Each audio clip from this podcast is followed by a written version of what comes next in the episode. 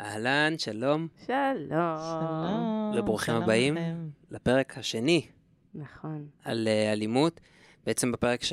שעבר הבאנו כל מיני דברים שעל... שעל ליבנו שקשורים ליחסים בין אה, חברים ואלינו ומכות או צורות שונות של אלימות בין, ה- בין הילדים, וקיבלנו הרבה תשובות, אבל זה גם הביא עוד שאלות, בעיקר מצד הקהל שלנו. אמ, קיבלנו המון המון כן. שאלות ב- בוואטסאפ. הוצפנו, הוצפנו.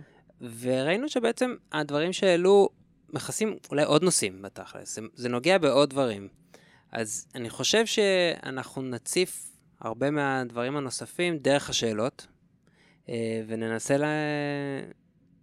לאתגר אותך ותתני לנו עוד תשובות קצת.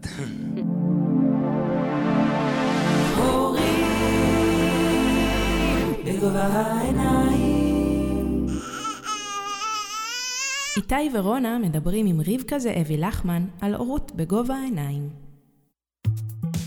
מה שלומך? טוב, איך אתם? אף אחד לא. הרביץ לי השבוע. יואו, וואו, אז זה שבוע טוב. כן. אז לנו כן. כן? כן. בוא נתחיל עם ברי. אה, נכון. לא דיברנו עליו בפרק שעבר, נכון. אבל גם הוא. יש כן? לו את התקופה דוגמה הזאת, אישית כן, מאחותו הגדולה? כן, הוא מאוד אוהב אה, לנשוך. לנשוך, ו... למשוך בשיער. למשוך את המשקפיים בכל. העוצמה ולהשליך אותם על הרצפה. אוי. כן, אז בואי נדבר באמת על הגיל הזה. על Mm. הגיל שעוד אין תקשורת איתם, אה, מילולית. יש כן. תקשורת, אה, תקשורת, אבל הוא עוד לא יודע לדבר. Mm. אמ, וזה מביא גם הרבה, אני רואה עליו, תסכול כזה שהוא כן. הוא, הוא, יודע- הוא מבין הכל, אבל הוא עוד לא יודע להגיד את זה. Mm. אז זה מביא עם כל מיני דברים, גם את זה. כן. אז אנחנו אומרים לו, לא, מאוד יפה, כאילו, די, ברי לא, זה לא נעים, זה לא נעים לנו, ואנחנו עוצרים אותו. אמ, כן, אני, כשהוא עושה לי את זה, אני בעצם, אני תופס אותו, כאילו, כי הוא לפעמים גם, הוא אוהב, נכנס לכזה טירוף כזה של להרביץ, וגם, הוא צוחק תוך כדי, זה משחק, זה ברור שזה משחק מבחינתו, Mm. ו... ואני תופס אותו ואני אומר לו, אני לא, אנחנו לא מרשים להרביץ, אני לא מרשה להרביץ, אה, לא יכול לקחת לי ולזרוק את המשקפיים. כאילו, אני, אני מסביר לו את זה, ואם אם הוא לא- ממש לא מפסיק, כאילו, והוא עדיין בזה, אז אני אומר לו, אז אני, אני עוצר את המשחק. כאילו, אני עוצר את המשחק ואני לא רוצה לשחק ככה. לא אוהב את כן. המשחק. אה, אבל, אה, אבל זה יכול לחרפן. כן. זאת אומרת, אני, אני לא יודע מה עוד לעשות לפעמים. ואני גם לא מבין למה, באמת, אני לפעמים מרגיש כאילו, למה הוא, למה הוא כל כך נהנה מזה כשאני, כשאני אומר לו לא, הוא, הוא, הוא רק נהנה מזה יותר כביכול. אמ, כי הוא צוחק יותר. ו, וגם, יש את העניין שלו מול אחותו, מול מימי, אמ, שכשהיא מרביצה לו, אנחנו מאוד אה, כזה, "די, אל תרביצי לו וזה, כאילו. אבל גם הוא מרביץ לה. Mm. וכשהוא מרביץ לה, היא לפעמים, אה, היא, אם הוא מושך לה בשיער וזה, אז היא רוצה להחזיר לו חזק. ו... ואז אני אומר, אני אומר לה, תראי, אני מבין אותך, בתכלס, אבל אמ, הוא, אנחנו, אנחנו, צריכים, אנחנו צריכים להגיד לו שזה לא סבבה, ו, ושאנחנו לא מרביצים פה, אבל אם אנחנו מחזירים לו באותה צורה, אז, אז כאילו המסר לא באמת עובר, כי הוא אומר, אוקיי, כאילו, פשוט, אם את מחזירה, זה אומר שכן מרביצים. Mm. אז אני אומר, אני מבין אותך, כי זה באמת נורא מעצבן. גם, לי, גם לנו עושה את זה, אבל אני מנסה להדגים לו כאילו מה אני עושה, שאני בעצם מחזיק אותו, ואני אומר לו שאנחנו לא עושים את זה בבית. אבל לפעמים קשה לה, כאילו, כן, אני גם אה, בזה? הרבה פעמים אומרת לא, בכוונה, כאילו, אומרת לו, ברי, מגנה על מימי, כזה, Mm. שתשמע כן, אם שאנחנו אנחנו לא רואים רק, את זה, אז אה, כן. כן, כאילו, ברי, אנחנו לא מרביצים. לא, את יודעת, האינסטינקט זה להגיד, מימי, לא להרביץ לו, וכאילו לכעוס עליה. אבל אני ממש מקפידה, גם אתה. גם לדבר לברי, להגיד לו, זה לא עושים, לא מרביצים לאריאל מילי, נכון? עכשיו, יצא לי לפני כמה ימים להגיד לה גם, אני לא יודעת אם זה טוב, להגיד לה, מימי, אבל יש לנו אחריות ללמד אותו, ויש לנו פה, את יכולה, את יודעת, להיות אחות גדולה וללמד אותו. זה אחלה דבר. זה בסדר שהפלתי את זה עליה? כן, אז אה, באמת אה, מה שעשיתם נשמע טוב, uh, גם לעצור אותו, גם להגיד לו, להסתכל לו ישר בעיניים ולהגיד לו, אני לא מסכימה לך להרביץ, או אני לא מסכים לך לזרוק לי את המשקפיים. לא, ל... לא להתפקע מצחוק, כי הרבה פעמים אנחנו חושבים שזה חמוד, או שזה מצחיק, או שאנחנו לא, במבוכה. אצלי זה הפוך, אני מפחד שאני נראה רציני מדי, שאני לא אפחית אותו. באמת, אני, אין, כי כשהוא עושה לי את זה, זה באמת... כשהוא מעיף לי את המשקפיים, זה, קודם כל זה לפעמים זה נורא כואב לי. הוא דוחף לי מזה משהו, זה לתוך, ה, לתוך הפרצוף, זה באמת כן. כואב. ואז דיברנו על זה בפרק כן. שעבר, כן, התגובה האימפולסיבית שהיא מגיעה כן. מכאב אמיתי. כן, אז, אז לפעמים אני מרגיש שאולי אני כועס מדי, שאני נראה כן. כועס. אני לא צועק עליו, כן. אבל אולי אני נראה, אבל לא צוחק. זה בטוח לא. בסדר גמור, כן. אז, אז מאוד חשוב לא לצחוק, ולא לצחוק ביניכם, או עם אנשים שאיתכם. אני, אני רואה את זה אפילו בגן קורה, שלפעמים אנשי צוות צוחקים, גם מהמבוכה, או מהחמידות, או מזה שעלה פתאום רף, או כל מיני, או מההפתעה, ו- או שמי לא נעים לצרוח עכשיו. אז מאוד מאוד חשוב לא לצחוק. וממש אה, להיות רציניים. אתה צודק שאנחנו לא רוצים אה, תגובות אה, שהן יותר מדי אה, של יציאה מאיזון, נגיד, של צרחות או כאלה, בעיקר כי כשהם מצליחים להפעיל אותנו, אז לפעמים הם ישתמשו עם זה גם לטובה וגם לרעה. זאת אומרת, גם אה, אם, הפעיל, אם הוא הצליח להפעיל אותך, אז הוא אומר, אה, יש לי פה כוח להפעיל את אבא. מהמם.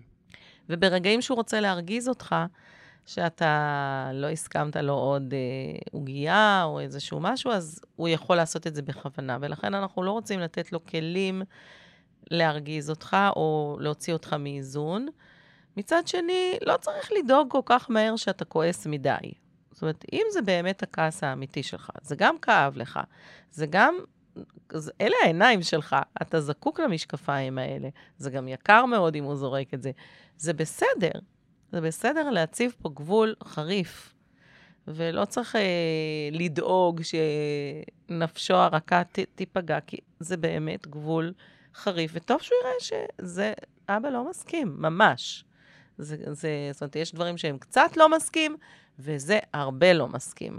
מהמם. אז uh, אתה לא צריך לדאוג לפגוע בו בהקשר הזה, שאתה מדי כועס. אבל כן, אם זה מפעיל אותך, ואם אתה נהיה היסטרי, אז יש בזה גם קצת מצחיק בשביל הילד, לראות את אבא היסטרי, וגם איזשהו כלי להזדמנות שהוא יצטרך את זה.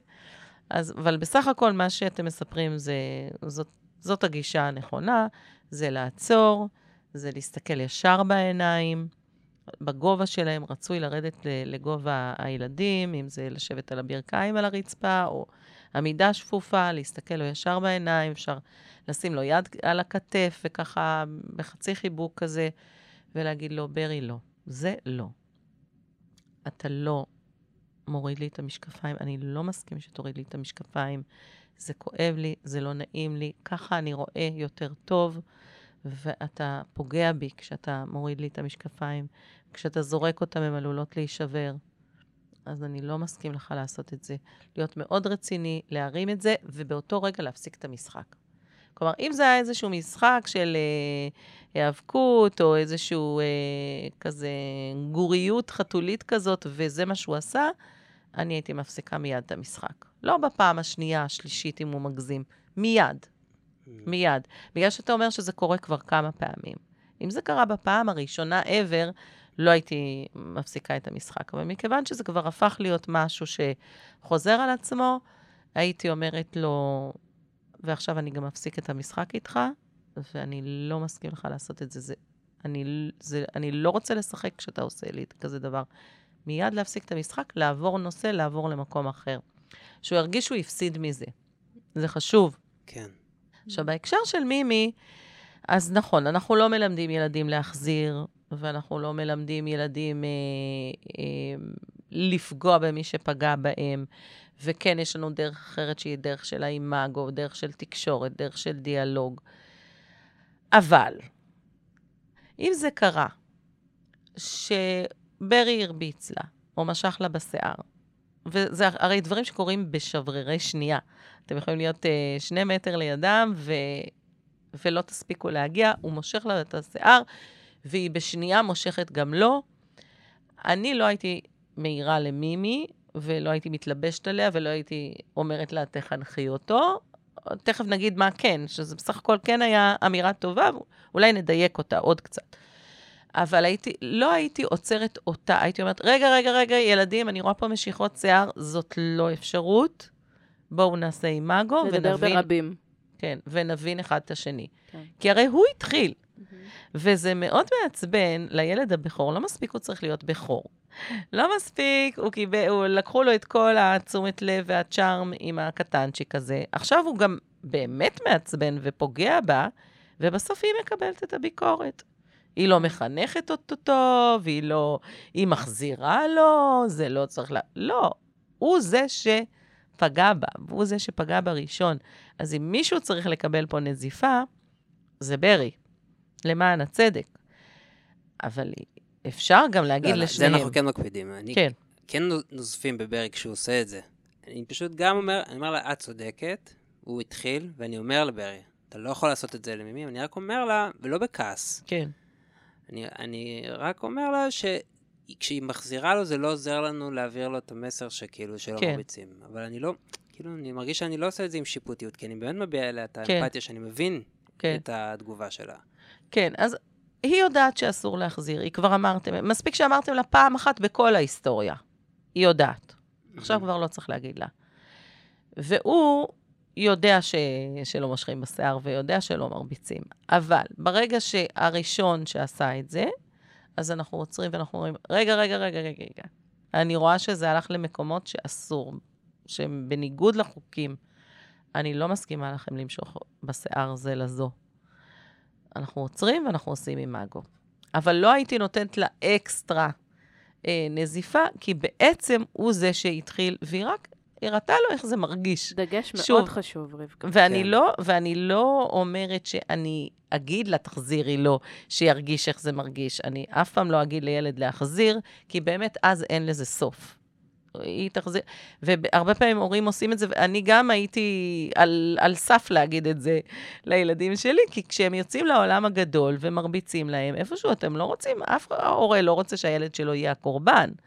ואם מרביצים לו ומרביצים, אז תחזיר. ככה אנחנו כאילו בלב רוצים uh, להרגיש שהילד שלנו יודע להגן על עצמו. אז כשילד ישאל אותי וכשילד יגיד לי, הרביצו לי מה לעשות, אז אני אומרת, אני לא ממליצה להחזיר. כי אז אין לזה סוף. אתה תחזיר לו, ואז הוא יחזיר לך, ואז אתה שוב תחזיר לו, והוא יחזיר לך, ואין לזה סוף.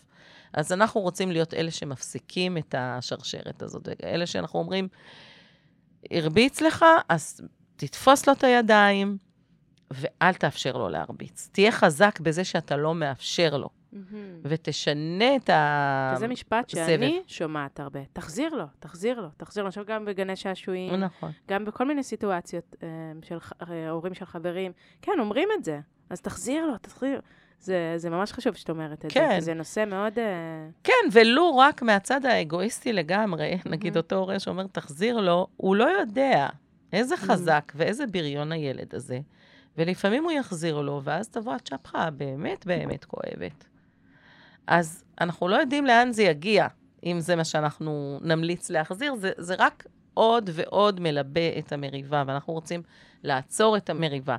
אז אנחנו נחזיק לו את הידיים, נהיה חזקים בזה שאנחנו לא ניגרר לתוך הריב הזה, נחזיק לו בכל הכוח את הידיים, נרים צעקה הכי חזקה שאפשר, שכל הגן שעשועים ישמע ויבואו לעזרתי, כי באמת שידעו שמשהו פה לא תקין קורה, ו, ואז יבואו לעזרתך. אז אני לא מנחה אותם להחזיר. מהמם. משתי הסיבות האלה, אחד, כי זה עלול להסלים, ושתיים, כי אתה לא יודע למי אתה מחזיר, והוא יכול להחזיר לך עוד יותר כואב. ואנחנו לא בעד אלימות, אנחנו לא בעד מכות, אנחנו רוצים להראות להם שיש דרך אחרת. והיא דרך של שיח ודיאלוג, כן. ולהבין אחד את השני. וכשאנחנו מבינים אחד את השני באמת באמת לעומק, כל כך הרבה מריבות נפתרות, ו- ואז לא צריך את המכות האלה.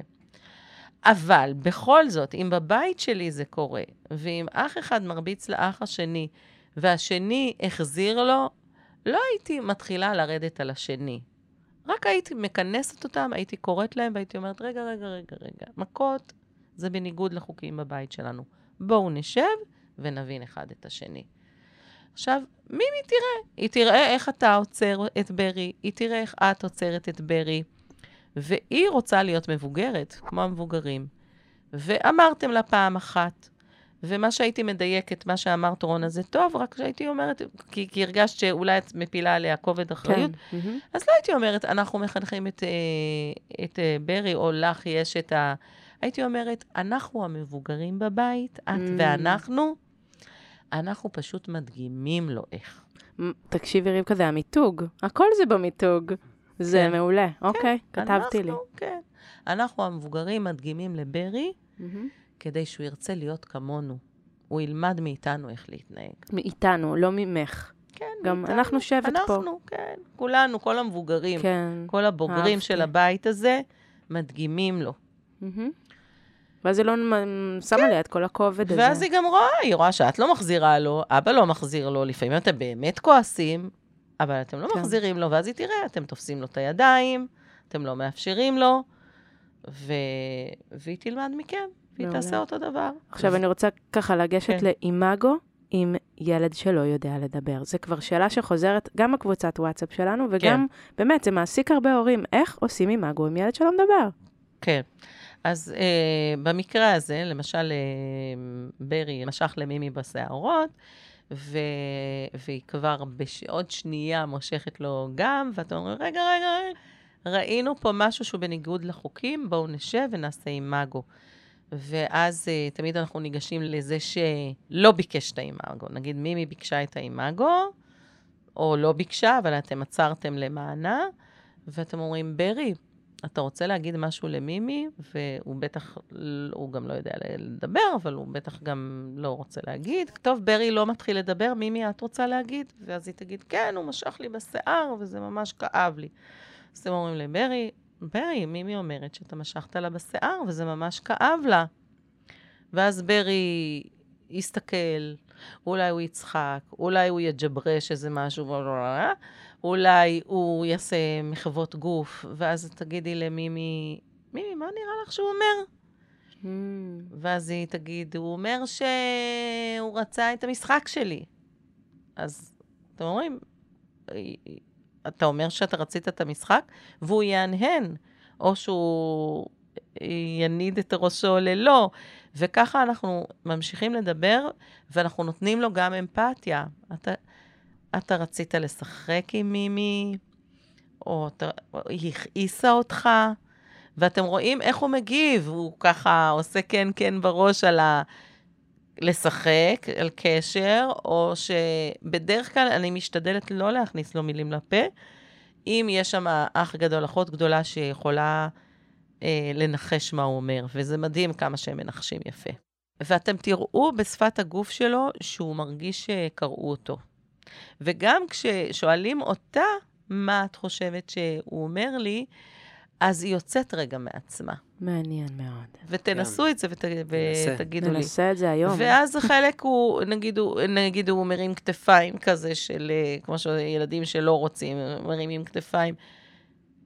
אתה אומר שאתה לא רוצה, ואז הוא כזה יניד, יהנהן. ו... ואתם תראו, תראו שהוא כזה צוחק, נגיד, הוא מחייך, כולו קורן אושר. זה היה נראה לך מצחיק? אתם תנסו לקרוא אותו, ואתם תראו שמבינים הרבה מאוד, כמו שהוא מבין אתכם מילה במילה, כשאתם באמת מנסים להבין מה הוא אומר, אתם תבינו הרבה מהשפת גוף שלו, ומה שלא תבינו, מימי, סביר להניח תשלים לכם את התמונה. כן. וגם אם יש פספוסים קלים, עדיין הם מבינים שיש פה מעמד של שיח, ושמנסים להבין אחד את השני. יפה, אהבתי. ננסה. עכשיו בואו נלך קצת כן. לשאלות. יש לנו. הרבה שאלות. כן. אשמח לשמוע איך להתנהל עם ילד קטן שמהתקפי זעם או קנאה נושך ומרביץ ולא יודע עדיין להתבטא. כן, אז באמת הוא לא יודע לדבר, מהמם. אבל הוא מתבטא. Mm. כלומר, יש לו ביטוי של הוא כועס, הוא שמח, הוא צוחק. אתה מרגיש למשל כמו עם אה, ברי, שאמרת קודם, כשהוא זורק לך את המשקפיים, אתה רואה חיוך על הפנים, נכון? הוא לא כן. עושה את זה מתוך כעס. אז אנחנו יודעים להבחין, כשאנחנו מסתכלים עליהם, אנחנו יודעים להבחין האם יש פה איזשהו ביטוי של כעס, של תסכול, של חוסר סבלנות, או האם יש פה ביטוי של שמחה, של רצון למשחק. אז הם לא יודעים מילים, לא, אבל הם... אבל היא כן אומרת שזה התקפי כן, זעם. אז- נכון, כן. אז כנראה נכון. יש איזה משהו שהיא אז- מבינה בכל זאת נכון, לגבי... ה- נכון. אני רק מחדדת פה שילד קטן שלא יודע לדבר, הוא יודע להתבטא, אבל הוא לא יודע לדבר במילים. Mm. אז אנחנו עוצרים אותו. קודם כל, מטפלים בפגוע. כלומר, אם הוא נשך את אחותו, אז קודם כל אנחנו מרימים את אחותו, ואנחנו אומרים, אוי, מימי, איזו נשיכה, זה בטח נורא כואב לך. ואז אנחנו, קודם כל אנחנו מטפלים בפגוע. בלי להיות... סאבטקסט של passive aggressive וכזה. לא, אין פה שום פשוט סאבטקסט. לטפל. מטפלים בפצוע. בכוונה מדגישה. פצוע, כן, יש פה פצוע, כן. ויש פה מישהו שתוקף. ואנחנו קודם כל מטפלים בפצוע, כי הרבה פעמים אנחנו רוצים לעצור את הפושע כביכול, ובינתיים הפצוע מדמם אה, פה על, ל, לעינינו. אז לא, קודם כל מטפלים בפצוע. זה גם נותן לתוקף רגע שנייה לנשום אוויר ולראות מה הוא עשה. וגם נותן לנו שנייה למפלס הכעס אה, לשקוט. אני חשבתי דווקא על עוד סיבה, כן. שחשבתי שהתכוונת, אבל כנראה זה בבור שלי, שגם לא לתת לו, שעכשיו עשית משהו, לב. ו- והדבר הראשון שאתה נכון. מקבל זה תשומת לב. נכון, נכון. לגמרי. לגמרי, זה חלק מהסיבה. אה, כל הסיבות האלה טובות, וגם אם זה אומר, גם אם הוא נשך אותי, אז אני אומרת את ה-I, ואני, ואני בוכה לפעמים, מה שעלה בפרק כן. הקודם, אני נותנת לבכי לצאת, ואני, ואני שנייה מטפלת בעצמי, שמה קרח, שמה מה שצריך, ואז אני פונה אליו. מהמם. אז זה גם נתן לי רגע אוויר לנשימה כדי שלא יצא כל הבום של הכעס עליו, וגם הוא צריך להבין שזה לא מזכה אותו, לא בתשומת לב ולא בכל הדברים האלה. ואז בשלב השני, אני אאפשר לו לעשות איזשהו סוג של תיקון. כלומר, אם הוא נשך, אז למשל, אם זאת אחותו ואני מטפלת עכשיו באחותו, אז אני אומרת, אתה רוצה לרוץ להביא לה טראומיל מהמקרר? מהמם. אתה רוצה להביא לה קרח? לשים על הזה. עוד לא טיפלתי, עוד לא אמרתי, עוד לא נזפתי. קודם כל, מטפלים בפצוע. וזה גם המסר שלנו לילדים, כשילד נופל, כשילד קורה לו משהו, כשיש איזו פציעה, תאונה, קודם כל מטפלים בפצוע. אחר כך נבדוק מה קרה. מהמם. עכשיו, על הדרך, המשחק הפסיק. הוא לא זכה פה בתשומת לב. אה, ולפעמים, כמו שהיא אומרת פה בשאלה, היא אומרת שהוא עוד לא, הוא מתוסכל, הוא בהתקף זעם, הוא לא... זה נורא קשה לילד להבין הכל, לרצות לתקשר. אולי אפילו היא לקחה לו משהו קודם מהמשחק, והוא לא יכול להגיד, והוא פשוט בהתקף של זעם, הוא נושך בלי לחשוב על זה, זה לא היה מתוכנן. אז הוא הרבה פעמים, האל, הילדים שנושכים, הם נבהלים גם מעצמם. אז קודם כל אנחנו נותנים להם הזדמנות לתקן, לרוץ להביא קרח, לרוץ להביא טראומיל, אה, מטלית לך, משהו כדי שהוא יוכל, קודם כל, להיות שותף בהרגעת הפצוע. זה גם נותן לו הרגשה טובה, כי זה לא נעים להיות זה שפוגע. ואז, אחרי שעשינו את כל הדברים האלה, טיפלנו בפצוע, נשמנו אוויר רגע וזה, אז אנחנו מסתכלים לו ישר לעיניים ואנחנו אומרים לו, ברי, או איך שקוראים לילד, זה לא מתאים לנשוך.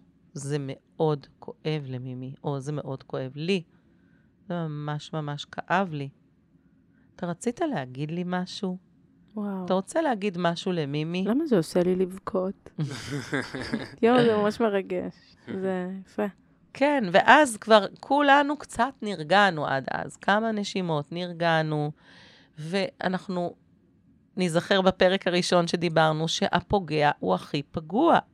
הילד שנושך הוא הכי פגוע, וזה יכול להיות שהוא פגוע באמת כמו השואלת השאלה אמרה פה, כי הוא לא יודע להתבטא, כי הוא לא יודע להתבטא במילים כמונו. כן. הוא לא יכול לדבר, אולי מישהו נורא הרגיז אותו. אולי הוא נורא רצה משהו ש, שבידיים של מישהו אחר ולא נותנים לו, והוא צריך לחכות הרבה זמן. זה בסדר. לומדים עכשיו דחיית סיפוקים. אבל עכשיו בוא נראה. בוא, בוא נבין גם אותו, בוא ניתן גם לו אמפתיה. והיית מתוסכל, אתה מאוד מאוד רצית את מה שזה לא היה הדבר. כן. ואנחנו עוצרים את, ה, את הנשיכה, כמובן, אם היא, מת- אם היא מתמשכת, הרי נשיכה זה בדרך כלל שבריר שנייה וזה נגמר, והילד שנשך בדרך כלל יודע שאסור לנשוך. אז אנחנו, אין לנו מה עכשיו לעמוד ולנזוף בו, אלא להבין מה קרה, מה זה התסכול הזה שהביא. אבל אם הוא עושה משהו ש... כמו למשל למשוך שיער, והשיער עוד בידיים שלו, ברור שהדבר הראשון שזה, שנעשה זה נעצור את הפגיעה. דבר ראשון, לא, אני לא מסכימה לך למשוך בשיער. וגם אם זה אומר לבוא ולפתוח לו את האגרוף, שהשערות שם, ממש לפתוח לו את זה בניגוד לרצונו, אם צריך. כן. אנחנו עוצרים את הפגיעה, אנחנו לא מאפשרים אותה, אנחנו מסתכלים במבט מאוד חמור, שזה לא, את זה אנחנו לא מרשים. אז אנחנו מטפלים בפצוע, ואז אנחנו חוזרים לפוגע, ואנחנו מנסים להבין גם אותו, ונותנים לו גם אמפתיה. אני רוצה לדבר במשפט קצר כן. על ה-תגיד סליחה הזה רגע. כי אני ככה רואה את הרצף, ואני מדמיינת איך כן. זה ממשיך. נכון, כולנו אומרים, או, אנחנו כבר לא, כי אני מודעת, כי בזכותך, אבל ה- עכשיו תגיד סליחה הזה. כן. תגידי כמה משפטים. אז גם על אני זה. הייתי אומרת, תגיד סליחה. גם לי בתור ילדה אמרו לי להגיד סליחה, וגם אני אמרתי לילדים שלי להגיד סליחה, ובגן גם ראיתי את זה מאוד מאוד חזק.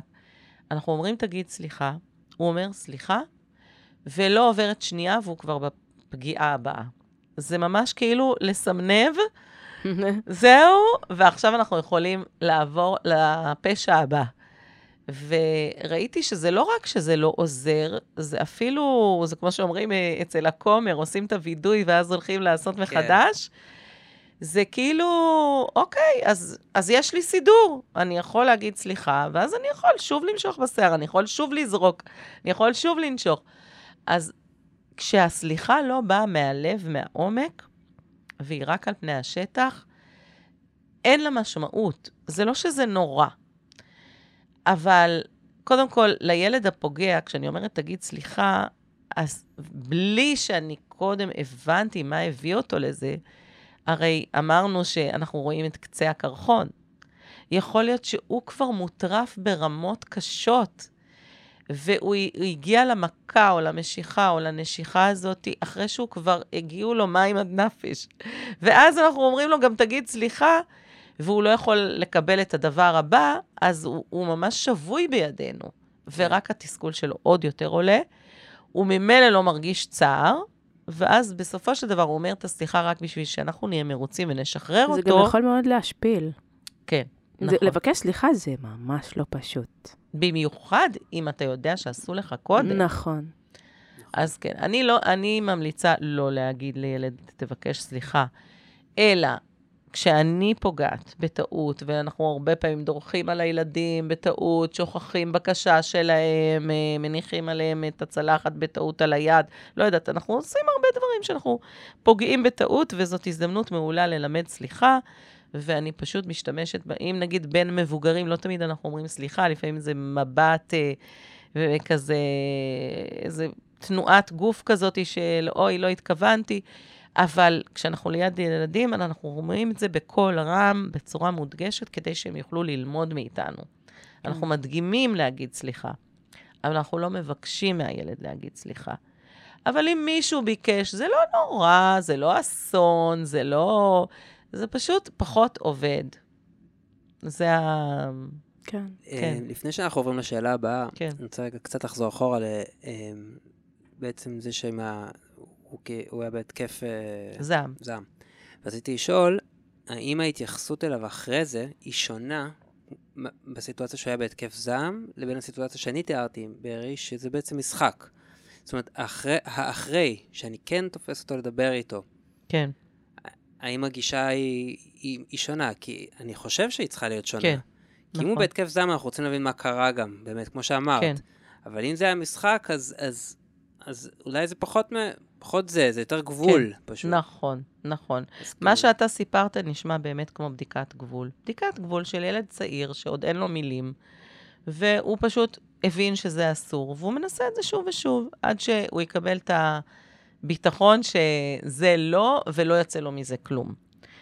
אה, ילד שהוא בהתקף זעם, והוא גם פוגע בסביבה, אז אנחנו עוצרים אותו, ואנחנו אוספים אותו לתוך החיבוק שלנו בדיוק, כמו שאמרנו בפרק הקודם, כמו ילד שעלה לו החום ל-40 מעלות עכשיו.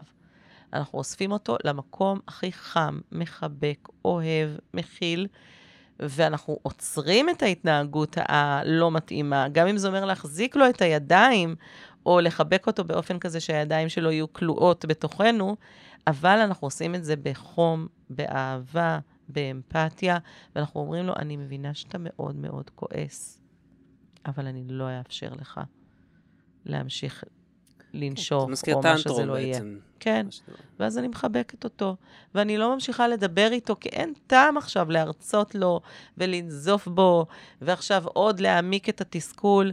אני פשוט מחבקת אותו, יושבת איתו בשקט, נותנת לו לבכות אם הוא צריך לבכות, מלטפת לו את הראש, וכשהוא מסיים לבכות, והוא מסיים את הטנטרום, או מה שזה לא יהיה, אז אני אומרת, אתה רצית להגיד לי משהו? משהו הציק לך? וכשאני אומרת את זה, אני מסתכלת אליו בעיניים טובות ואוהבות. הוא יודע שהוא עשה משהו לא בסדר. הוא יודע שזה לא מתאים. עצרתי אותו, כן. אבל עצרתי אותו בחיבוק. אני לא שולחת לחדר, אני לא עכשיו אצעק עליו ואסביר לו שעה. ואנזוף. הוא יודע, כן. כן.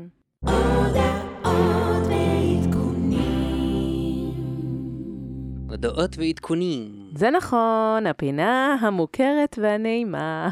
מה נספר לכם? נספר לכם אוי. על הדיבוריה, האולפן שלנו, שאנחנו עושים פה הקלטות פודקאסטים. נכון. ויש לי שת"פ חדש עם רון ליסה מורלי, הדולה המופלאה, היא דולה, ואני דולה פוסט-פרטום, ואנחנו חברנו לכדי חבילה אחת, ואנחנו עושות מלא דברים ביחד. גם אה, חבילה אחת שעוטפת את היולדת, וגם כל מיני סדנאות, ואנחנו מתכננות הרבה דברים ביחד, אז תמשיכו לעקוב. ואנחנו בספוטיפיי מחכים לחמישה כוכבים שלכם, לדירוג הנהדר שממש עוזר לחשוף את האלגוריתם לכל מיני הורים ברחבי הארץ והעולם. יש לנו מאזינים מכל העולם. אז חמישה כוכבים! ואתם יכולים למצוא בתיאור הפרק שלנו לינק לקבוצת הוואטסאפ שלנו. קבוצה וואו. מאוד פעילה שאנשים שואלים בשאלות, נכון רון? נכון, וגם שאלות על הפרקים, גם אנחנו, באמת, יש שם סוג של קהילה כבר הפכה להיות. כן, ו- אנחנו עונים אחד לשני. כן, ובאמת, זה כל כך מרגש לראות איך זה, הדבר הזה כולנו גדל. באותו ראש. כולנו באותה סירה. כולנו באותה סירה באותו ראש, כן. נכון, כולם חמודים, ממש. וכולם חמודים, אז בואו נתקדם. יאללה. Um, אוקיי, יש לנו עוד שאלה. איך להתמודד עם חבר של ילד, בן שלוש, שחוטף, דוחף, לא חולק, מתבטא לא יפה, וההורים שלו לא מעירים לו על זה. Hmm, שאלה מעולה. כן. כן, זה... אנחנו נתקלנו בזה בכל מיני סיטואציות. כן. נכון. שהרביצו למימי ואתה כזה, אני, אני צריך להתמודד עם זה, כאילו, כן. שאני מסתכל מהצד וההורים שם לא עושים כלום. כן, נכון. זה קורה כשיש הורים ביחד. יש אה, כמה הורים וילדים ביחד, ויש גישות שונות להורים. יש כאלה שאומרים שהילדים יסתדרו, אנחנו לא מתערבים. אז כמו שאנחנו אמרנו באחד הפרקים הקודמים, כשאנחנו רואים בעיניים שלנו, והילדים שלנו ראו שראינו ילד מרביץ לילד ואנחנו לא מתערבים, אז אנחנו מאשרים בעצם. אנחנו אומרים, אוקיי, זאת גם דרך, זה בסדר, תמשיכו ככה. ולכן, בגישה שלנו, אנחנו חייבים לעצור את זה. אנחנו חייבים לעצור ולא לאפשר את זה. עכשיו, מה קורה כשזה הילד שלנו? זה נורא פשוט. כן. אנחנו פשוט עוצרים את זה, אנחנו אחראים לילד שלנו, ברור לנו שאנחנו אחראים גם להתנהגות שלו, ואנחנו עוצרים את זה. אבל, למשל, כשזה קורה בגן, לי, מהמם. וההורה של הילד לידו, אז לפעמים ההורה מחכה שאני זאת שאדגים לו מה עושים, מהמם. ולפעמים ההורה הוא מאותה אה, גישה של שאנחנו לא אמורים להתערב.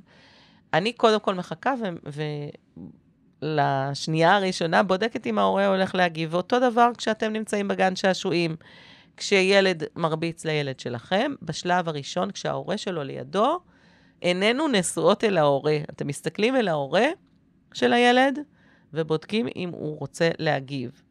כי, למה, למה זה חשוב לתת זכות קדימה להורה של הילד להגיב? גם בגן וגם כשאתם שם אבל רק בינתיים הורים. הילד מקרקף את הילד. לא, בשנייה הראשונה. אוקיי, אוקיי. בשנייה הראשונה אנחנו מסתכלים. כי כשההורה של הילד נמצא והוא לא מעיר לו, ואני אעיר לו, לא משנה אם אני גננת או אימא של ילד אחר, הוא לא ייקח אותי ברצינות. כי יש לו את הגב של ההורה שלו. ואם ההורה שלו לא מעיר לו, אז לא מעניין אותו מה השכנה אומרת, ולא מעניין אותו מה הגננת אומרת. מה שמעניין אותו זה מה שההורה שלו אומר לו. ולכן אני מעדיפה שכל הורה ייקח אחריות על הילד שלו, גם כשהוא בגן משחקים עם ילדים אחרים, גם כשהוא בגן ילדים. כשאני בתור אימא רואה את הילד שלי עושה משהו לא מתאים, אני מיד צריכה להגיב ולעצור את זה. אבל אנחנו לא מחנכים פה את כל ההורים, ולא כולם הגיעו לפודקאסט, ואולי יש כאלה שבאמת לא יודעים איך להגיב, והם רוצים לראות מכם מה עושים. Yeah, ספציפית בגן, אני יכול דווקא להבין. נכון. אבל גם בגן זה מין שאלה של... מי, מי צר... אני לא יודע. מי נכון. צריך להתמודד עם הסיטואציה כרגע? נכון. זו שאלה פתוחה. אז. בתור הורה, אם זה היה קורה לך, למשל, שמימי אה, מרביצה למישהי לידי, נגיד, או ליד הגננת שלה, מה, שהיית, מה שאני ממליצה לך לעשות זה להרים מבט למבוגר האחראי בסביבה, כלומר לגננת, ולהגיד, את רוצה שאני אטפל בזה, או שאת תטפלי בזה? Mm, שאלה טובה. ממש לשאול. ו... ואז הגננת תוכל להרגיש חופשי גם, כי גם לגננת יש איזה כבוד אליך שהיא לא, כשאתה נמצא שם, לא תמיד יהיה לה נוח לגשת ישר, אבל כשאתה אומר לה את זה, אתה בעצם נותן לה, וגם הבת שלך שומעת, שאתה מעביר לה את האחריות. מהמם. ואתה אומר, אני אשמח שאת תטפלי בזה. ואז היא תטפל בזה בשמחה, כמו שהיא יודעת לטפל. אבל בואו נחזור גם לגן שעשועים, כן. כש, כשלא, אה, כשאין שם מבוגר שהוא ידוע כאחראי, אז אתה מסתכל להורה של הילד המרביץ בעיניים ואתה אומר, אתה מתכוון לטפל בזה, או שאתה רוצה שאני אטפל בזה? ואם הוא יגיד, אה, אני מאמין ש... שהילדים צריכים להסתדר, אז אני לא מאמין שהילדים צריכים להסתדר, ואני הולך להתערב. אתה רוצה להגיד לילד שלך, או שאני אדבר איתו? ואז הם מבינים שאין להם ברירה אחרת. אלא אם כן, הם בסדר ש... שהשכן יגיד. אם מבחינתו זה בסדר, אז תיגש. אז מה שאני הייתי עושה זה ניגשת אליו, לילד של השכן, לילד שבגן משחקים. קודם כל, עוצרת את המכות, והכל בשברירי שנייה, זה לא נעשה עכשיו דיון של שעה מי יטפל, זה בשנייה. אתה מטפל או אני. הוא עושה פרצוף לא יודע, אתה מיד ניגש. אתה עוצר את, את הפגיעה, אתה, אם צריך, אתה מחזיק לו את הידיים, אם צריך, אתה רק ניגש. כי הרבה פעמים ילדים, אם הורה זר ניגש אליהם, או הורה לא שלהם, הם יעצרו רגע, הם יסתכלו לך בעיניים, הם לא ימשיכו להרביץ בזמן שאתה מדבר, כן? ואז אתה ניגש אליו ואתה אומר, רגע, אתה צריך לעצור את המכות, אני מבין שאולי מימי מאוד הרגיזה אותך, בוא נעשה אימאגו ונבין אחד את השני, או בוא נשב לדבר ונבין אחד את השני, כדי, אני לא מוכן שמימי תפגע בך אם זה היה המקרה, אבל אני גם לא מוכן שאתה תרביץ למימי. ואם זה בקללות ולא פיזית, זה קרה לי פשוט. כן, אז גם שואלים את האימא או את האבא, אתה מתכוון לעצור את זה? כי אם לא, אז אני עוצרת את זה. ואם ההורה לא עוצר את זה, אז את ניגשת לילד, יורדת לגובה העיניים שלו ואומרת לו, תראה, בחוקים שלנו לא מקללים. אני לא יודעת מה החוקים שלך, בחוקים שלנו אנחנו לא מקללים. היא עצבנה אותך, אני מאוד אשמח לדעת מה, ובואו נדבר על זה. כי יכול להיות שהיא גם פגעה בך, ואנחנו נעצור את זה ואנחנו נדבר על הדברים עד שנבין. עד שנבין אחד את השני. כן. וגם אם זה אומר לתפוס לו את הידיים, גם אם זה אומר לעמוד שם פיזית בין הילד הזה לילד הזה, אה, אתם מדגימים להורה השני איך עושים את זה. מהמם.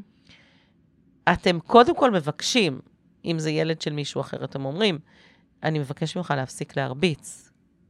ובוא נבין מה קרה פה, כי אני מאמין שאם אתה מרביץ לה, היא כנראה ממש הרגיזה אותך. אל תשכחו שהילד המרביץ זה רק קצה הקרחון. יכול להיות שהיא חטפה לו את הצעצועים, נתנה לו בעיטה, אה, התיזה עליו מים ו, וגם, אה, לא יודעת מה, אה, קראה לו בשמות, ואז הוא נתן לה בוקס בבטן, ואתם ראיתם את הבוקס בבטן. רק קצה הקרחון.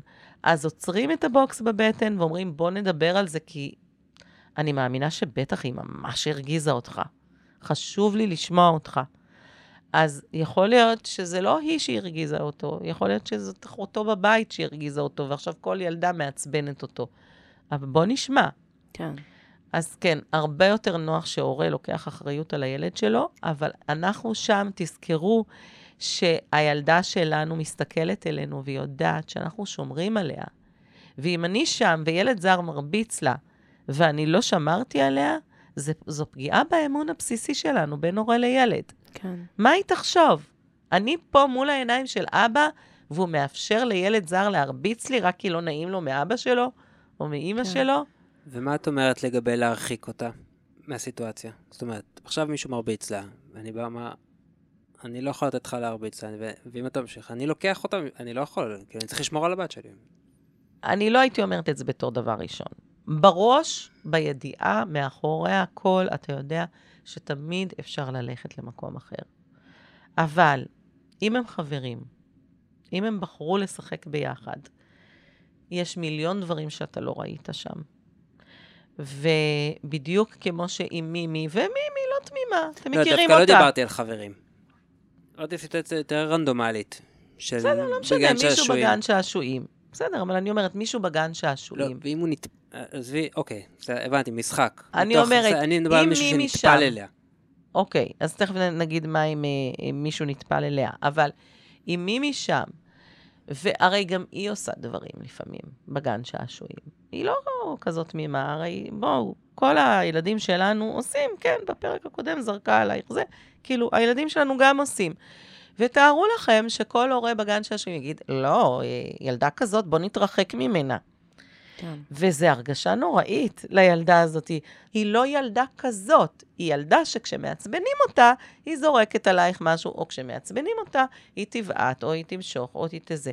אז בואו לא נשים עליה תווית שהיא ילדה כזאת, ובואו נתרחק ממנה, כי זה תכף תהיה גם הילדה שלי. אז אני עוצרת באותה מידה, אם זאת הילדה שלי פוגעת, או אם זה הילד השני פוגע, ואני אומרת, רגע, זאת לא אפשרות. בואו נדבר.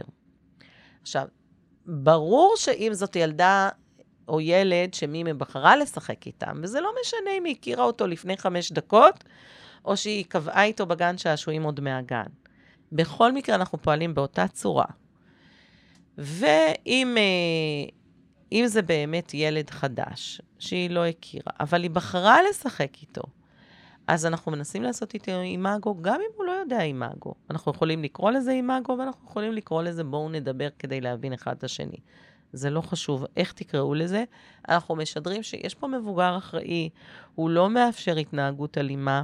זה לא משנה אם אני אבא שלך או אם אני השכן, אני לא מאפשר. לא שהיא תרביץ לך ולא שאתה תרביץ לה. בואו נדבר ונבין. לפני כמה ימים, אה, אה, כאילו שני ילדים היו על מימי, צחקו עליה וזה, ומה שאני עשיתי, אמרתי, חמודים, אנחנו לא מדברים ככה, ואני מבקשת להפסיק את זה, ומימי Mm. ממש נעלבה, ואמרתי לה, ממי, לידם, הם שמעו, הילדים שמעו, אמרתי לה, ממי, כן, זה ממש לא נעים, אה? זה ממש תחושה לא נעימה. טוב, אז עכשיו אנחנו נלך, ו- והם המשיכו לצחוק עליה וזה, ופשוט הלכנו. כן. אז, אז בסדר? אז זה, זה מתחבר באמת גם לשאלה שאתה כן. איתי אה, כן. שאלתם.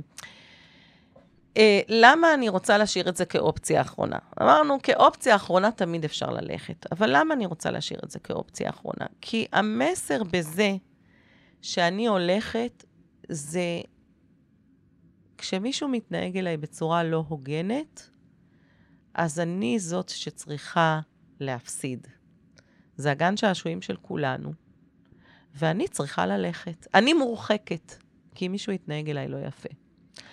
ואני רוצה שהמסר יהיה, זה שהגן הוא של כולם, ואף אחד לא יכול להתנהג בצורה לא הוגנת לאף אחד. ולמרות שאני אבא שלה, אני יודע שגם היא לפעמים מתנהגת בצורה לא הוגנת, ואם יש משהו שאתה רוצה להגיד לה, בוא ותגיד לה. אבל אתה לא יכול להרביץ לה.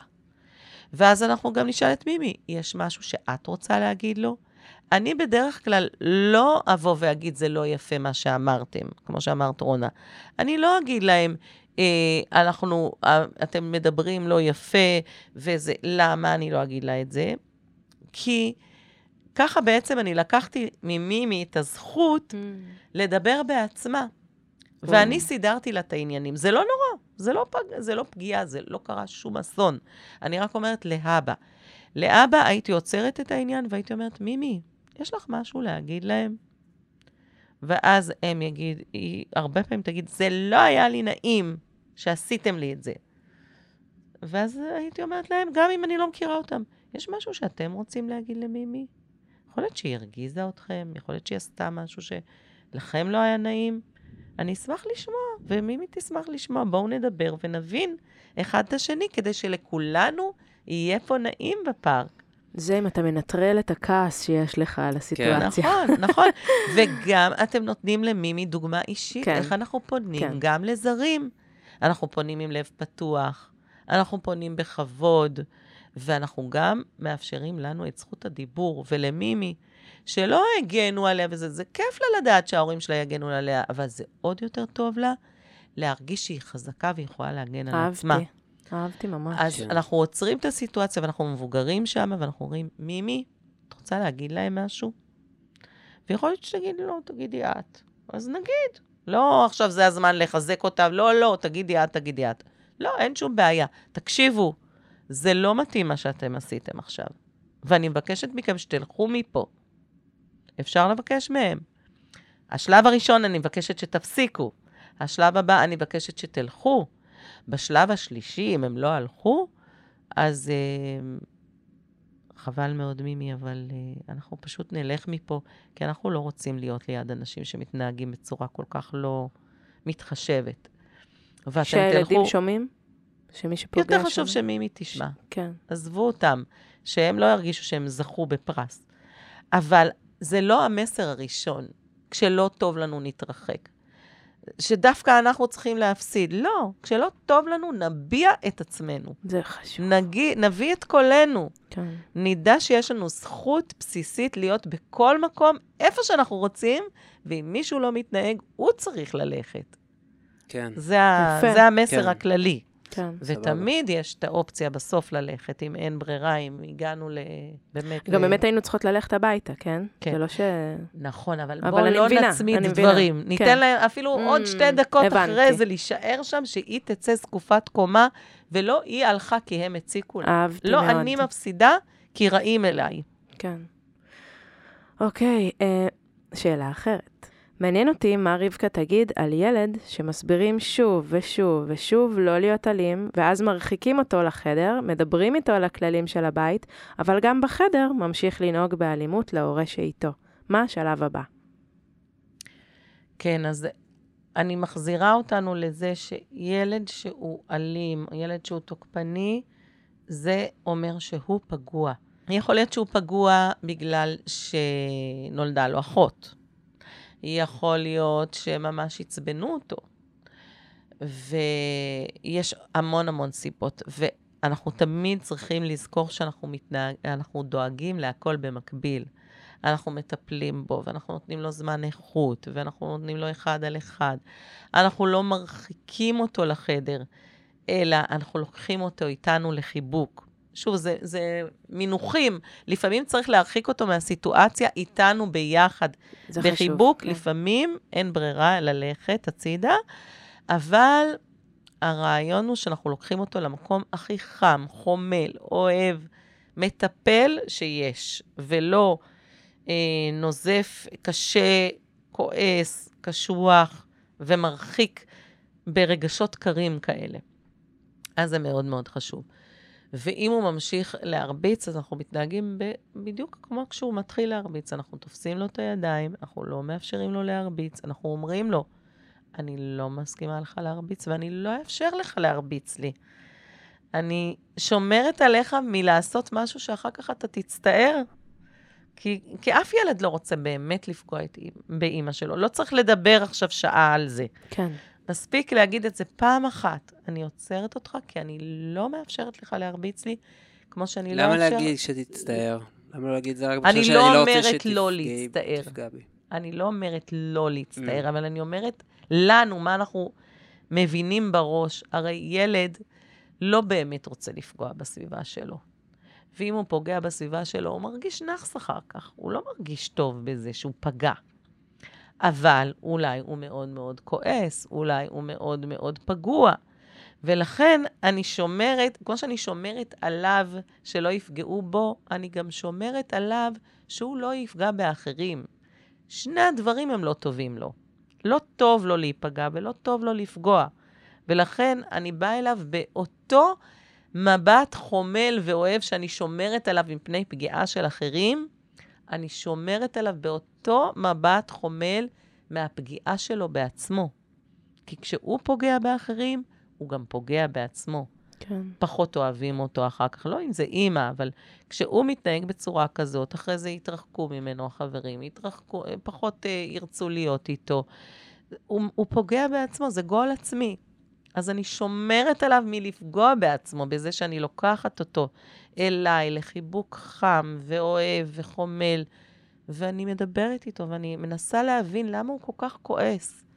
ואני מכניסה לו את המילים האלה, במקום להגיד לו, אתה לא תעשה, ואתה לא בסדר, ואתה תזה, ואתה פה, ואתה שם, אני באה ואני אומרת לו, אתה כועס, אני רואה שאתה כועס. בוא תספר לי, כי אתה יכול להגיד לי למה אתה כועס. בוא תגיד לי מה פגע בך, מה כואב לך. וכשאני מסתכלת במבט הזה, בדרך כלל, זה עוצר את המשך השרשרת של הפגיעה, ואם הוא כל כך עצבני וכל כך כועס שהוא לא יכול לשתף פעולה בדיאלוג הזה, אני פשוט לוקחת אותו לחיבוק, ואני, לא נעים להגיד, סותמת. יש הרבה מאוד הורים שפשוט טוחנים חופרים. וטוחנים וטוחנים וחופרים. די, די, הוא לא במצב לשמוע. מי מאיתנו רוצה לשמוע שעה נזיפה על מה אנחנו לא בסדר? אוקיי, תפסתם אותי על חם, סליחה, באסה, זהו, עזבו אותי בשקט, רע לי עכשיו. לי יש משפט שאני אומרת, אה, אני אומרת לה, ממי, בואי נעבור את זה ביחד. אני פה איתך, בואי נעבור את זה ביחד. כן, ואז... גם אם בא לי כן, כזה לדפוק את הראש בקיר. כן, ולעבור את זה ביחד, זה כי פשוט... גם לי קשה. כן, לשבת בשקט, לנשום עמוק, כן. לחבק, ואתם תראו שאחרי כמה דקות, הנשימות שלכם מתחילות להסתנכרן. את נושמת עמוק, והוא נכ... הוא תופס טרמפ ומתחיל לנשום איתך ביחד. Mm. פשוט לחבק, ללטף, ולהירגע, לסדר אה, רוגע. לא, עשיתי צמרמורת, פעם שנייה בפרק. אוקיי. אמ, קורה לעתים שהילד מוציא את זעמו על אחרים או על אובייקטים. הוא נכנס לזה וקשה מאוד לעצור אותו. כמה שמדברים איתו וגם כשמחבקים אותו, הוא ממשיך להתנגד. הדבר היחיד שעוזר עד כה זה איומים. אם לא תעצור, אז לא יהיה ככה וככה. באותו הרגע הוא מפסיק. איך אפשר לגייס אותו לעצור בדרכים מיטיבות יותר? אנחנו נעשה על זה פרק, רבקה. כן, מה, על נכון. איומים? על אם לא, אז... אה, כן. כן. נכון, זה באמת נדיר שזה עוזר, האם לא אז. ואנחנו באמת נדבר על זה בהרחבה בהמשך. אבל אבל היא אומרת שזה הדבר היחידי שעוזר. כי יכול להיות שהיא שמה משחדת אותו במשהו. כאילו, אם, אם לא, אז לא תקבל ארטיק, ואז הוא נורא נורא רוצה את הארטיק, יכול להיות. או אם לא, אז לא יהיה לך אה, שבוע טלוויזיה, לא יודעת מה. יכול להיות שזה עוזר. אבל האם זה עוזר כי הוא מרגיש שזה לא התנהגות הולמת? האם הוא לא יעשה את זה שוב בהזדמנות הראשונה, כשכבר אחרי שהוא קיבל את הארטיק? אנחנו רוצים לכוון את הילדים לאורך זמן, לא רק לפתור את הבעיה של הרגע. אם זה רק לפתור את הרגע, אז בואו ניקח אותו פשוט לחיבוק. פשוט ניקח, נ, נעצור את הסיטואציה. אבל אם אנחנו רוצים ללמד אותו שככה לא עושים, אז אנחנו פשוט עוצרים את הדבר הזה. ואז אנחנו מנסים ל- לשאול אותו, מה קרה? מה קרה? זה אני לא יכולה לאפשר לך, אבל בוא תספר לי. מישהו הרגיז אותך?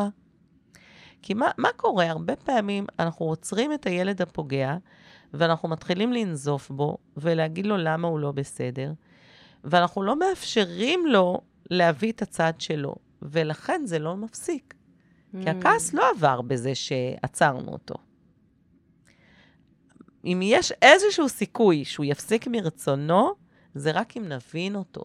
אם הוא ירגיש שהוא נראה, הוא ירגיש שהוא מובן, הוא ירגיש שיש אמפתיה למצבו. וגם אם אחד רק חטף צעצוע, והשני נותן מכות רצח. אז אנחנו, ברור שליבנו על זה שחוטף את המכות, זה שעכשיו מקבל את המכות, אבל יש פה אחד שחטפו לו צעצוע. אז בסדר, לעצור את המכות, אבל בואו ניתן לו רגע פתח להוציא את התסכול שלו. זה מאוד מאוד מאוד חשוב. הוא יודע שהוא עשה משהו לא בסדר. אנחנו עוצרים את המשהו שלא בסדר, ואז אנחנו באים אליו באמפתיה. וזה משנה את התמונה. כן. בן דוד שלו גדול מהבת שלי בחצי שנה. גרים קרוב מאוד, יחד בגן. הוא ילד שנוטה להיות אגרסיבי, אבל גם מאוד רגיש. מגיב בהרבה אלימות, גם פיזית וגם מילולית. אני מנסה להבין איך אני מתמודדת עם סיטואציות בינו לבינה. במקרים רבים היא חוששת ממנו ומגזימה עם התגובות שלה, גם אם הוא לא באמת עשה לה משהו. מצד שני, כשכן יש פגיעה מכוונת שלו בה, וקורה לא מעט, אני לא מצליחה באמת להגיד לו ולהעיר לו. חוששת שזה נתפס אצל הבת שלי כאילו אני לא מגוננת עליה. בעיקר עסוקה בלנחם אותה כי הוא פגע בה. איך מתנהלים במצב כזה? מה זה מורכב? כי זה גם משפחה וזה יחסים. כן, ו...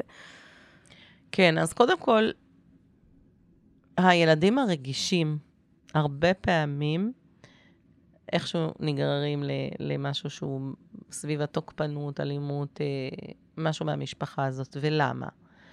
ככל שהילד יותר רגיש, הוא יותר מפחד שמשהו יפגע בו.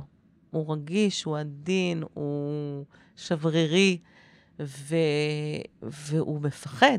הוא באמת מפחד. אז לפעמים, מרוב פחד ומרוב רגישות, הוא עודף כשרק באו לבקר אותו. כשרק באו להתקרב להגיד לו שלום, כשרוצים לתת לו כיף, הוא כבר חושב שהנה מישהו יתנפל עליו, מרוב שהוא רגיש, ואז הוא פשוט עודף, הוא דוחף, הוא מזיז מהמרחב שלו. ואז קודם כל זה עוזר לילדים כאלה שיבינו אותם. קודם כל להבין. את הבן דוד. כן, להבין. הוא כל כך רגיש, כנראה שדברים שלי הם בסדר, נגיד היא יושבת וטיפונת נשענת עליו, או טיפונת הרגל שלה נוגעת בו, בשבילו זה יכול להיות שזה ממש, היא שמה עליו רגל, היא ממש בועטת בו, בחוויה שלו. Mm. אז להבין את הילדים הרגישים, כי הרבה פעמים הילדים הרגישים נתפסים כילדים מאוד תוקפניים.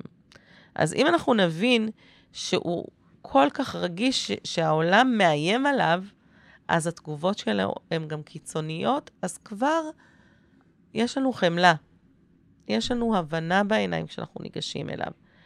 ואז שוב אנחנו נגיד ישר, במקום למה הרבצת לה, אז היא אומרת שהרבצת לה, היא עשתה משהו שהפריע לך?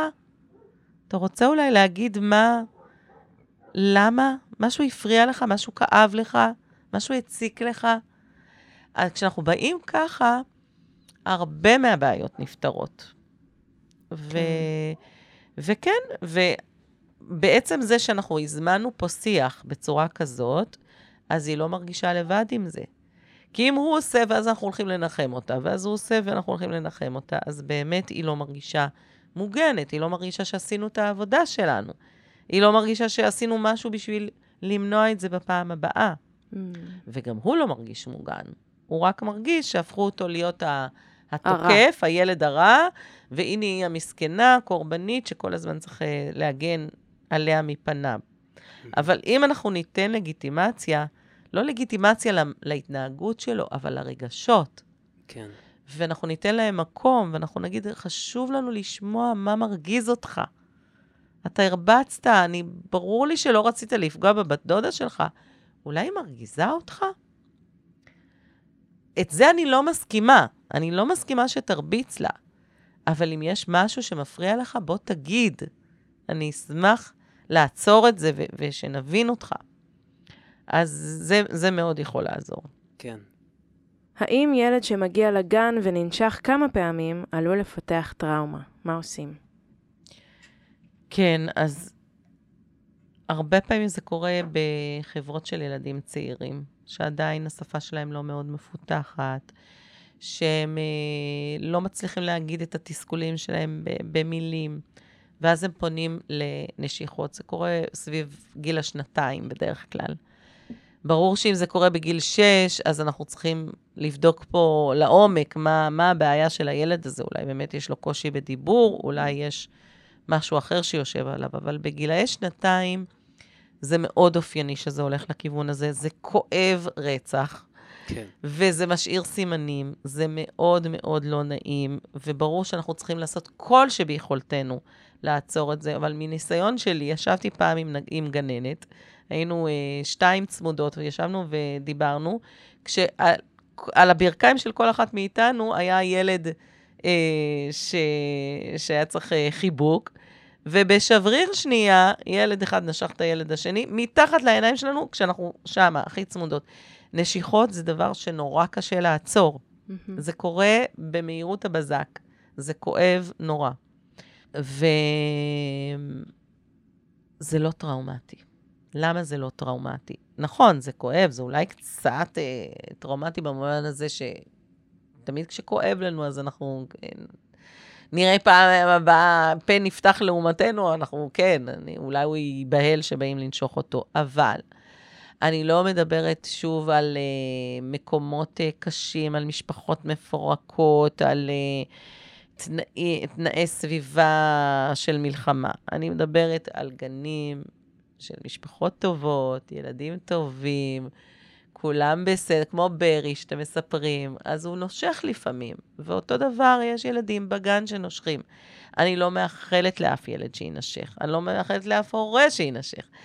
זה לא משהו שאני ממליצה לילדים לעשות, אבל זה קורה לפעמים. כן. והילדים שננשכים, כמה שזה כואב להם, כמו שאמרנו קודם, הכי כואב לילד הנושך, והכי כואב להורים של הילד הנושך. זה מתסכל, זה כואב, זה לא נעים, אבל זה בתוך חממה. זה בתוך חממה של ילדים טובים, ממשפחות טובות, עם כן. גננות טובות ששומרות עליהם, וזה בדיוק כמו שילד נופל ומשתפשפות לו הברכיים, שזה קרה לי מתישהו שהייתי גדולה, ואמרתי, יואו, איך הם סובלים את הכאבים האלה? זה נכון. שפשוף בברכיים כואב, זה ממש כואב. הרבה יותר מכוויות, אה, חתכים מסכין ועוד כל מיני דברים כאלה. אז כן, לי באופן כללי נראה, נראה לי שהרבה פעמים הם מגיבים לכאב ועוברים הלאה הרבה יותר מהר. נכון. ממבוגרים. לפעמים נעקץ מדבורה, כאילו לפעמים כבר כן. פעמיים.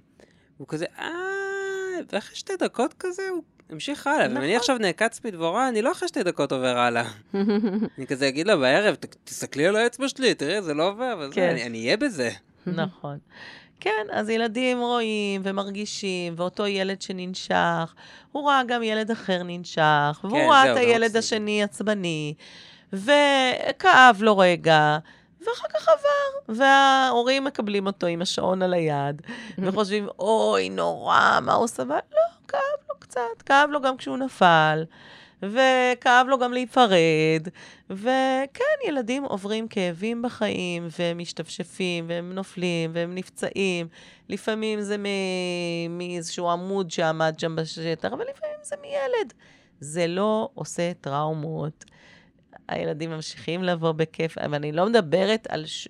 ילד שהוא אה, עובר איזושהי מצוקה נוראית ופוגע בלי שום פרופורציה. לא מדובר על זה, מדברים על ילדים טובים, בגנים טובים, בגילאים כן. כאלה צעירים. זה בסדר, זה בתוך החממה. שאלה אחרונה, באמת יש מלא, אבל אני חושבת שהיה פה פרק אה, ממש טוב. אה, ענינו פחות או יותר, ענינו, את ענית. אוקיי, אז uh, ספציפית בגיל שנה ו-11 חודשים, שפחות אפשר להעמיק איתם במילים. האם להתערב ישר כשילד אחר מרביץ לו, או לתת לו להתמודד לבד? ואיך אפשר ללמד אותו להתמודד מול זה כשלא יהיה לידו? מה כדאי לתווך, או איך להגיד כדי שלא יהיה חסר אונים כשלא יהיה לידו? כן, אז כמו שאמרתי קודם, אני מאמינה שכשאנחנו רואים, אנחנו צריכים להתערב. כדי לשדר לילדים שאנחנו לא מאשרים את ההתנהגות הזאת. אז כשילד מרביץ לילד שלי, שהוא בן שנה ועשרה חודשים, אני אגיד לו, היי, רגע, עצור, אתה מרביץ לו, זאת לא אפשרות, אבל יכול להיות שהוא הרגיז אותך? נותנת לו אה, אפשרות לענות, זה שני, שני uh, פעוטות, כן, שני ילדים קטנים. שניהם אה, לא מדברים. שניהם לא מדברים. אז כן, אז אני עוצרת ואני אומרת, לא, יש משהו שאתה רוצה להגיד, גם אם הוא לא מדבר. אבל אני מדברת אליו. גם ילד שרק עכשיו נולד, אני מדברת אליו, אני אומרת לו, עכשיו, אני לוקחת אותך להחליף חיתול, ועכשיו אה, נלך לאכול, או אה, קיבל מכה, אוי, זה כואב לך, ראיתי, כן, קיבלת מכה מהקיר. ואותו דבר אני אומרת לילד ש... שקיבל אה, פגיעה מילד אחר, אה, אני רואה שכואב לך, אתה רוצה להגיד לו משהו? אתה רוצה להגיד לו? ואז הוא עושה נגיד עיניים אה, כאלה, זה כאב לך?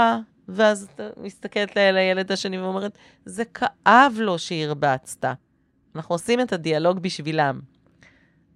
אנחנו מנסים לנחש מה הם רצו להגיד, אנחנו מנסים לתקשר את הקושי שלהם, ואנחנו מדגימים להם בעצם מה הם יעשו ברגע שהם ידעו לדבר.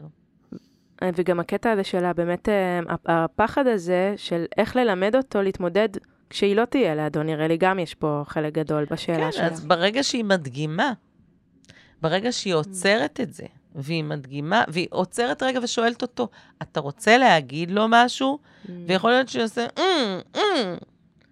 אתה לא רוצה שהוא ירביץ לך? אז תגיד לו, די. וממש, אה, ואז אני אומרת בש- בשמו, הוא אומר לך, די, אל תרביץ לו. אנחנו ממש מנסים לנחש את מה הם יגידו, וככה אנחנו מדגימים להם איך לעשות את זה פעם הבאה. וואו, אה, תודה רבקוש, ממש כן. אה, סידרת פה עוד אה, את הראש בכל מה שקשור לזה, ותודה לכם. קבוצת וואטסאפ, קודם כל, אני חייבת להגיד לכם תודה. יש לנו קבוצת וואטסאפ, תיכנסו אליה, היא ממש כיפית, אפשר לשאול שם שאלות. אה, ותודה לכם מאזינים, מאזינים חדשים, מאזינים קיימים. אה, איזה כיף. שלכולנו סופש נהדר. ולא אלים. ואם ממש אז. שנדע איך להגיב סוף סוף. יאללה. יאללה, ביי ביי. ביי. ביי.